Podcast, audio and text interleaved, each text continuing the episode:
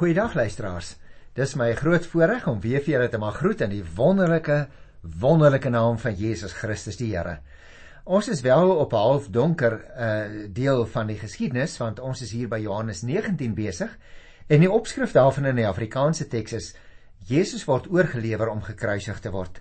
Nou natuurlik broers en susters ons weet dit is donker gebeure maar dit het uiteindelik van jou en vir my beteken die toegang tot die ewige lewe. En daarom wil ek dadelik begin met die eerste vers. Toe het Pilatus vir Jesus geneem en hom laat gesel. Ek dink die belangrike wat ons hier dadelik moet raak sien by die eerste vers is Pilatus het Jesus laat slaan met 'n gesel en ons sal weet dit is 'n sweep wat uit 'n bondel rieme eintlik bestaan het en aan elkeen van daardie dunner riempies was daar soms stukkies been vasgemaak of selfs 'n stukkie metaal. Met ander woorde, dit was geweldige pyniging want as jy so iemand gesel, dan beteken dit daardie stukkie metaal voor aan die dun riempie ruk eintlik 'n stukkie vleis weg uit jou rug of waar dit jou natuurlik tref. So dit was 'n geweldige wrede pyniging waaraan die Here Jesus onderwerp is. Die tweede vers sê die soldaat het 'n doringkroon gevleg en op sy kop gesit. Hulle het vir hom 'n persmantel aangetrek en herhaaldelik na hom toe gekom maar ek gaan nou net daarby kom ek wil eers hierdie tweede versie net onderstreep. Want jy sien die Romeinse soldate spot eintlik met die Here Jesus se koningskap en dit is die rede waarom hulle vir hom 'n kroon van doringranke gevleg het. En nou hang hulle nog ook boonop vir hom 'n pers mantel om soos die wat natuurlik deur die hoë offisiere gedra is. Daarmee maak hulle eintlik 'n totale belagging van die Here Jesus en dit is natuurlik hulle bedoeling Die derde vers sê hulle het nie net die pers mantel aangetrek nie, maar dat hulle hom ook herhaaldelik nader gekom het na hom toe en gesê ons groet u koning van die Jode. En elke keer het hulle hom geklap. Met ander woorde hulle bespot Jesus deur hom koggelend as koning te begroet. En in plaas van aanrakings van eer betoon, gee hulle elke keer die Here Jesus 'n klap. En hierdie veragting natuurlik van die Jode kom ook baie duidelik na vore wat hulle van hom dink. Let op vers 4. Pilatus het weer buitentoe gekom en vir die Jode gesê: "Kyk, ek bring vir julle hierdie man buitentoe sodat julle kan weet dat ek geen skuld in hom vind nie." Nou baie interessant, Pilatus verskyn weer op 'n baie dramatiese manier voor die Joodse skare, nê? En hy kondig met groot uh, triomf eintlik aan dat hy die Here Jesus buitentoe bring om aan te toon dat hy onskuldig is. Die 5de vers vertel vir ons toe het Jesus buitentoe gekom nog so met die doringkroon op en die persmantel aan. Pilatus sê toe vir hulle dit is die mens. Met ander woorde luisteraars, die Here Jesus verskyn hier eintlik as 'n belagging in sy koninklike in aanhalingstekens in sy koninklike mondering. En dit moet 'n indrukwekkende toneel gewees het toe Pilatus nou uiteindelik aankondig dit is die mens. En wat sou hy daarmee bedoel? Dit lyk my dat Pilatus daarmee vir die skare mense wil sê daar is 'n stomme beskuldigde wat hier voor julle staan. Tussen hakies natuurlik sonder enige aanklag teen hom.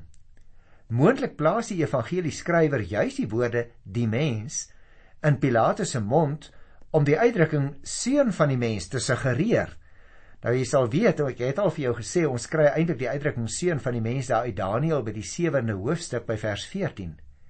En weer gaan dit soos wat so tipies is aan Johannes en sy weergawe, weer gaan dit oor die identiteit van wie Jesus werklik is. Dit is wat hier op die tafel kom. Die 6de vers sê toe die priesterhoofde die wagte hom sien, skreeu hulle: "Kruisig hom!" Kruisig hom vat julle hom en kruisig hom sê Pilatus daarop vir hulle want ek vind geen skuld in hom nie. Jy sien liewe luisteraar as 'n mens nou in 'n sekere sin die voorafgaande 5 verse sou wou opsom voordat jy by hierdie inkom dan sou ek wou sê let nou daarop. Die Here Jesus kon natuurlik maklik reeds as gevolg van die geeseling gesterf het En dit word gewoonlik gedoen deur daardie persoon se hande aan 'n pilaar vas te maak en dan sy naakte bolyf met die punt van 'n sweep genadeloos te slaan soos wat ek net nou vir jou verduidelik het. Die erns van die misdaad sou natuurlik bepaal hoeveel houe so iemand moes kry. Want volgens die wet was dit toelaatbaar om soveel as 40 houe te gee. Gaan kyk gerus maar in Deuteronomium 25 vers 3. En dit is natuurlik nou moontlik hierdie soort geeseling wat die Here Jesus so uitgeput het dat hy uiteindelik nie in staat was om die dwarsbalk van sy kruis wat nou hier op sou volg te dra nie. Die soldate het natuurlik net met hulle opdrag uitgevoer en hulle het die Here Jesus nie net gegeesel nie, maar hom ook spot met die vuis geslaan ook. Hulle het 'n doringkroon op sy kop gesit en vir hom 'n persmantel soos die van 'n koning omgehang en bespotting van sy algemene aanspraak op koningskap te maak. En nou het Pilatus sopas gesê dit is die mens, bedoelende daar is die arme beskuldigde wat onskuldig is. En die priesterhoofde en die tempelpolisie ja, hulle hits die skare aan om juis daarop aan te dring dat die Here Jesus moet sterf. En daarom het ons as ons nou hier by die 6ste vers kom by 'n belangrike punt in die vertelling en in die gebeurtenis gekom. Want toe Pilatus buitentoe kom nog ek herhaal dit net toe Jesus buitentoe kom nog met die doringkroon op en die persmantel aan sê Pilatus vir hulle dit is die mens. Jy sien luisteraar as Pilatus natuurlik met hierdie skouspel dalk probeer het om die simpatie van die Jode te wek het hy verseker 'n oordeelsfout gemaak. Want die priesterhoofde het ons nou net gelees as die vooraanstaande lede van die Joodse raad skree saam met die wagte kruisig hom! Hulle sweep met ander woorde eintlik die skare op sodat hulle ook later saam skree. En dan is Pilate so bietjie sarkasties wanneer hy vir die Jode sê om Jesus te neem en hom nou maar self te gaan kruisig want natuurlik was hy nie daartoe bevoeg nie jy sien Pilatus bedoel net eintlik dat hy niks verder daarmee te maak wil hê nie. Hoekom nie? Want hy vind geen skuld in hierdie man nie. Die 7de vers, die Jode sê toe vir hom: Ons het 'n wet en volgens die wet moet hy dood omdat hy hom as die seun van God voorgedoen het. Luisteraar, die Joodse godsdienstige leiers verwys dus dadelik na die lasterwet van Levitikus 24 vers 16 want volgens Jesus moet sterf omdat hy homself as seun van God voorgedoen het. Pilatus het natuurlik vir Jesus volgens sy mening onskuldig bevind op die klag dat hy teen die staat saamgesweer het en om sy koningskap van die Jode uit te oefen. Maar Jesus het toegegee dat hy 'n koning is in 'n ander sin. Jy onthou dit nog uit Hoofstuk 18 vers 37. Ek is 'n koning. En nou word dit aan Pilatus verduidelik dat die ander koningskap van Jesus eintlik sy seunskap van God is. Nou uiteindelik wil dit vir my voorkom, liewe luisteraar, dat die waarheid nou gehoor word. Die Joodse leiers het Jesus nie na Pilatus toe geneem omdat hy opstandig was teen die Romeinse owerheid nie, maar juis omdat hulle oortuig was dat hy 'n godsdienstige wet oortree het deur te sê dat hy God is. En godslastering was een van die ernstigste oortredings in die Joodse godsdienstige wette en mens kon dus inderdaad die doodstraf daarvoor opgelê word. Die Joodse leiers sou dus die mense se goedgesindheid wen deur Jesus van godslastering te beskuldig. En hulle wou natuurlik graag die owerheid oortuig deur hom van verraad te beskuldig. Dit is nie vir hulle belangrik of Pilatus na die eerste of die tweede klag sou luister nie. Net solank hy hulle sou help om Jesus tereg te stel, want dit was die Jode se motief. Vers 8 en 9 vertel vir ons toe Pilatus dit nou hoor, het hy nog banger geword. Hy het weer in sy amptswoning ingegaan en Jesus gevra: "Waar kom jy vandaan?" Jy sien as 'n baie baie bygelowige Romeinse heiden skrik Pilatus natuurlik baie groot dat Jesus van goddelike oorsprong is. En hy gaan nou terug om Jesus te vra, "Waarvan kom jy?" Maar hier Jesus swyg. Hy sê niks. Luister na vers 10. Jesus het hom nie geantwoord nie en Pilatus sê toe vir hom: "Praat jy nie met my nie? Weet jy nie dat ek mag het om jou los te laat en ook die mag het om jou te kruisig nie?" Nou, hierdie stil sweye van die Here Jesus, daarvan nou Pilatus natuurlik niks. Hy interpreteer die Here Jesus se sweye as 'n minagting van sy eie politieke mag en van sy posisie. Dis baie duidelik dat die Here Jesus deurgangs en ook nou hier voor Pilatus weer 'n keer eintlik in beheer was van die situasie. Nie Pilatus of die Joodse raad soos wat hulle gedink het nie. Pilatus was besluiteloos op hierdie stadium en die Joodse leiers het bloot vanuit hulle intense haat en jaloesie opgetree. Maar die Here Jesus, hy was deurgangs beheerst. Hy as die waarheid self het die waarheid geken. Hy het geweet wat God se plan was en waarom hy aan hierdie hele reeks verhore waarvan sommige verskyn en ander selfs onwettig was onderwerp moes word. En daarom was hy baie beheerst ondanks die verskriklike lyding wat hy moes verduur. In werklikheid natuurlik was dit Pilatus en die Joodse raad wat eintlik verhoor is en nie Jesus nie. Dit alles beklemtoon vir my maar net nog 'n keer wat die seun van God moes betaal. Wat dit hom gekos het om vir jou en vir my uiteindelik van ons sonde te kan verlos. Die 11de vers sê Jesus antwoord hom: U sou geen mag oor my gehad het as dit nie van bo aan u gegee was nie. Daarom het hy wat my aan u oorgelewer het groter skuld. En daarom, liewe luisteraar, wil ek net weer vir jou herinner aan vers 10 waar Pilatus aan die woord was. Weet jy nie dat ek die mag het om jou los te laat en ook die mag om jou te kruisig nie? Daarop het Jesus nou vir hom geantwoord: Jy sou geen mag oor my gehad het as dit nie aan van bo aan jou gegee is nie. Nou natuurlik kan 'n mens jou voorstel, jy kan dit ook verstaan. Van hierdie opmerking hou Pilatus niks. Daarop beklemtoon Jesus juis dat ook Pilatus se sogenaamde gesag vanuit Rome ondergeskik is aan die almag van God. Jesus toon hierna aan dat Kajafas wat hom uitgelewer het, se skuld groter is as die van Pilatus. Jy sien, Pilatus doen eintlik maar net sy plig as Romeinse goewerneur. Maar die Jode wat hom deur bemiddeling van Kajafas uitgelewer het, se ongeloof en hulle weiering om hom te aanvaar as die seun van God. Dit staan eintlik soos 'n berg voor hulle hierdie skuld.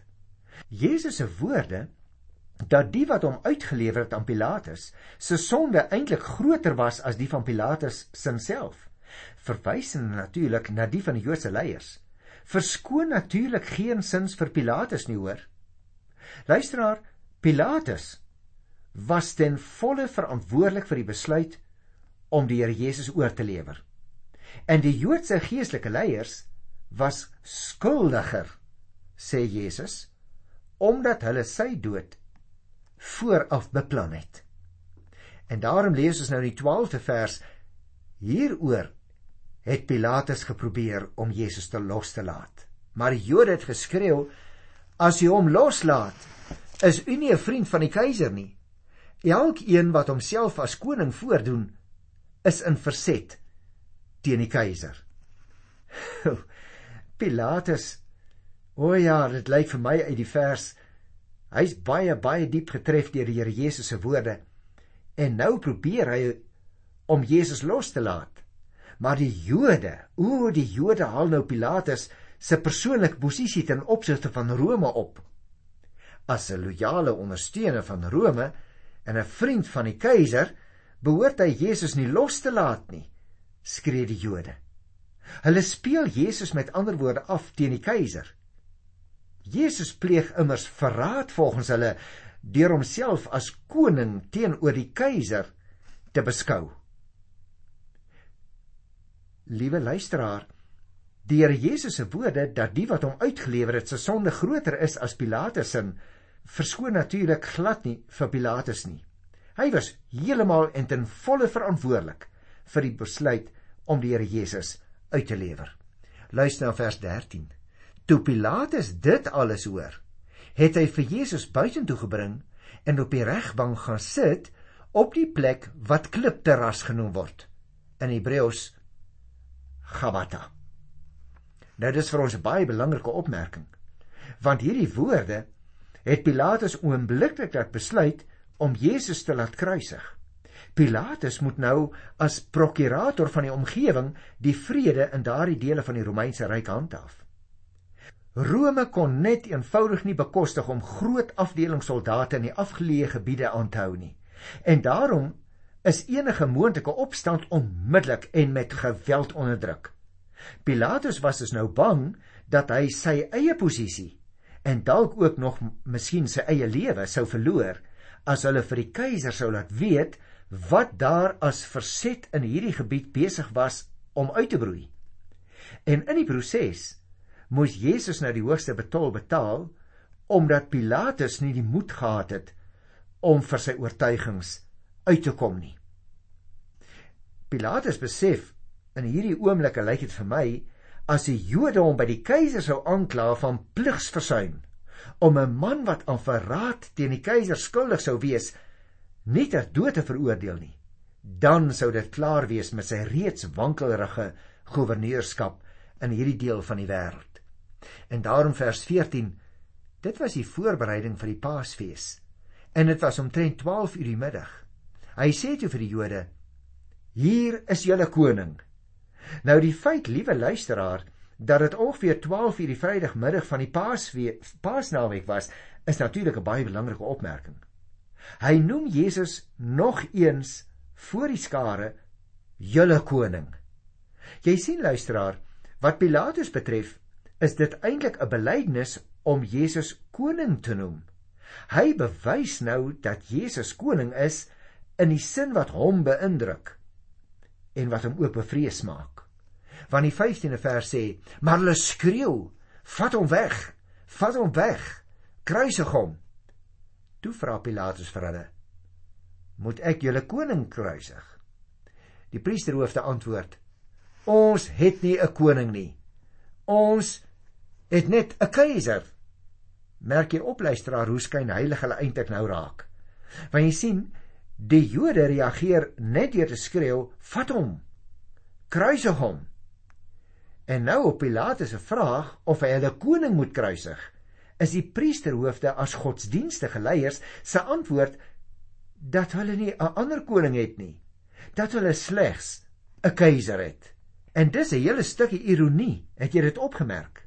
Want hulle is juis die volk van God wat slegs vir God as koning erken. Is dit nie nou juis laster dat hulle in hierdie oomblik sal sê ons het net die keiser nie. Jy sien ten spyte van hulle onverkwikkelike haat vir Rome het die Joodse leiers gefeins in hierdie oomblikke dat hulle geen ander koning het nie as net die keiser. Met ander woorde, hulle kies in hierdie oomblik die Romeinse keiser en hulle verwerp hulle eie Messias. Hoe skrikwekkend tog. En dan die opmerking in vers 16. Toe het Pilatus Jesus op hulle versoek oorgelewer om gekruisig te word en hulle en hulle het Jesus weggeneem. Nou liewe luisteraars, ek wil net so 'n oombliekie kyk na die prosedure wat hier plaasvind. Het, het jy opgelet dat daar 6 fases in die Here Jesus se verhoor was? Die eerste was voor die Joodse owerhede waar hy aanvanklik net voor Annas tereg gestaan het. Toe voor Kajafas. Die derde keer voor die Joodse raad. Maar dat hy ook voor die Romeinse owerhede 3 keer as beskuldigde verskyn het. Eerstens was dit voor Pilatus, Lukas 23 van eerste vers af, toe voor Herodes Lukas 23 van vers 6 af. En die laaste keer wat ons nou net hier behandel het, was sy verskyning voor Pilatus. Hier by die 23ste hoofstuk van die 13de vers af. Daar was dus eintlik verskillende aspekte wat 'n mens in gedagte moet hou. Nou wil ek uh net voordat ons by ons volgende program kan gaan kom volgende keer waar die Here Jesus nou op pad is na Golgotha toe. Vir jou net enkele interessante gegevens gee oor Golgotha, want volgende keer gaan ek nie daarvoor tyd hê nie want ek wil ander dinge dan behandel. Die eerste is het jy geweet daar was 3 soorte kruise. Die eerste was die sogenaamde T-vormige kruis. Hy het gelyk soos wat die hoofletter T sê.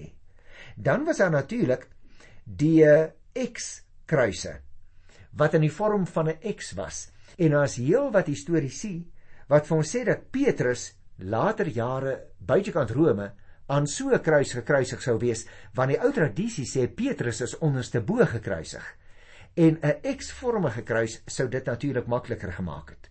En dan is daar natuurlik die derde, die tipiese Romeinse kruis waar die regopbalk bokant die dwarsbalkie uitgesteek het en ons weet Here Jesus is op Golgotha gekruisig aan so 'n kruis. Hoekom? Omdat daar 'n opskrifie was op 'n bordjie bokant sy kruis, so vertel die evangelies. Wat Golgotha betref, miskien net 'n paar opmerkings. Volgens die verklaring van die evangeliste, as jy nou al die stukkies saamvoeg, is die naam afgelei van die Arameese Golgotha wat hoofskedel beteken. Baie interessant. Volgens Origenes heet dit na die skedel van Adam wat daar begrawe sou wees. Maar nou ja, natuurlik luisteraars, ons aanvaar dit nie. Uh dit is maar sommer net so 'n bietjie 'n raaiskoot dink ek van daardie ou skrywer Origenes en ek dink nie ons hoef ons veel daaraan te steur nie. Wat wel belangrik is, is dat die plek waar die Here Jesus gekruisig is, naby die stad was. Gaan lees maar Johannes 19 vers 20. Dit was 'n plek waar daar baie verbygangers was wat ook daarop gedui het dat Golgotha langs die pad gelê het omdat ons in die evangelies lees dat baie mense daar verbygegaan. Nou voorheen is gedink dat dit slegs aan die noorde kant van Jerusalem kon lê. Later in die geskiedenis uh, is daar verwys na 'n plek wat deur 'n Engelsman opgegrawe is net naby die Damaskuspoort. Uh want destyds het die Engelse generaal Gordon gemeen dat Golgotha 'n bietjie verder noord lê as die plek wat die ouens aanvanklik aangewys het. En hy toe 'n heuwel noord van die Turkse stadsmuur aangewys, naby wat ons vandag ken as die Damaskuspoort. En daar het 'n paar eenvoudige grafte ook daar in die omgewing van daardie klein heuweltjie gelê. Vandag ken ons dit tussen hakies as the Garden Tomb waar 'n graf aangedui word as die opstanningsgraf van die Here Jesus wat sedert 1882 dan bekend was. Maar ek wil dadelik vir jou sê want baie van ons luisteraars het waarskynlik al daar besoek afgelê. Daar is nie werklik enige historiese of enige werklike argeologiese getuienis wat hierdie bevinding bevestig nie. En daarom hoef ons dit nie regtig ernstig op te neem nie. Wat ek miskien wel vir jou wil sê is, liewe luisteraar, die werklike historiese plek waar Golgotha was en waar die Here Jesus ook begrawe is, dit is nie vir ons so belangrik nie. Die feit dat dit gebeur het, die waarde wat die sogenaamde uh tuingraf wel vir ons kan hê, is om te sê dit herinner ons wel dat dit heel waarskynlik 'n soortgelyke omgewing sou wees.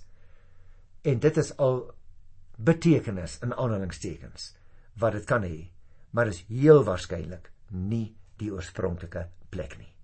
Ek groet jou dan in die wonderlike wonderlike naam van die opgestane Heer tot volgende keer. Tot dan. Totsiens.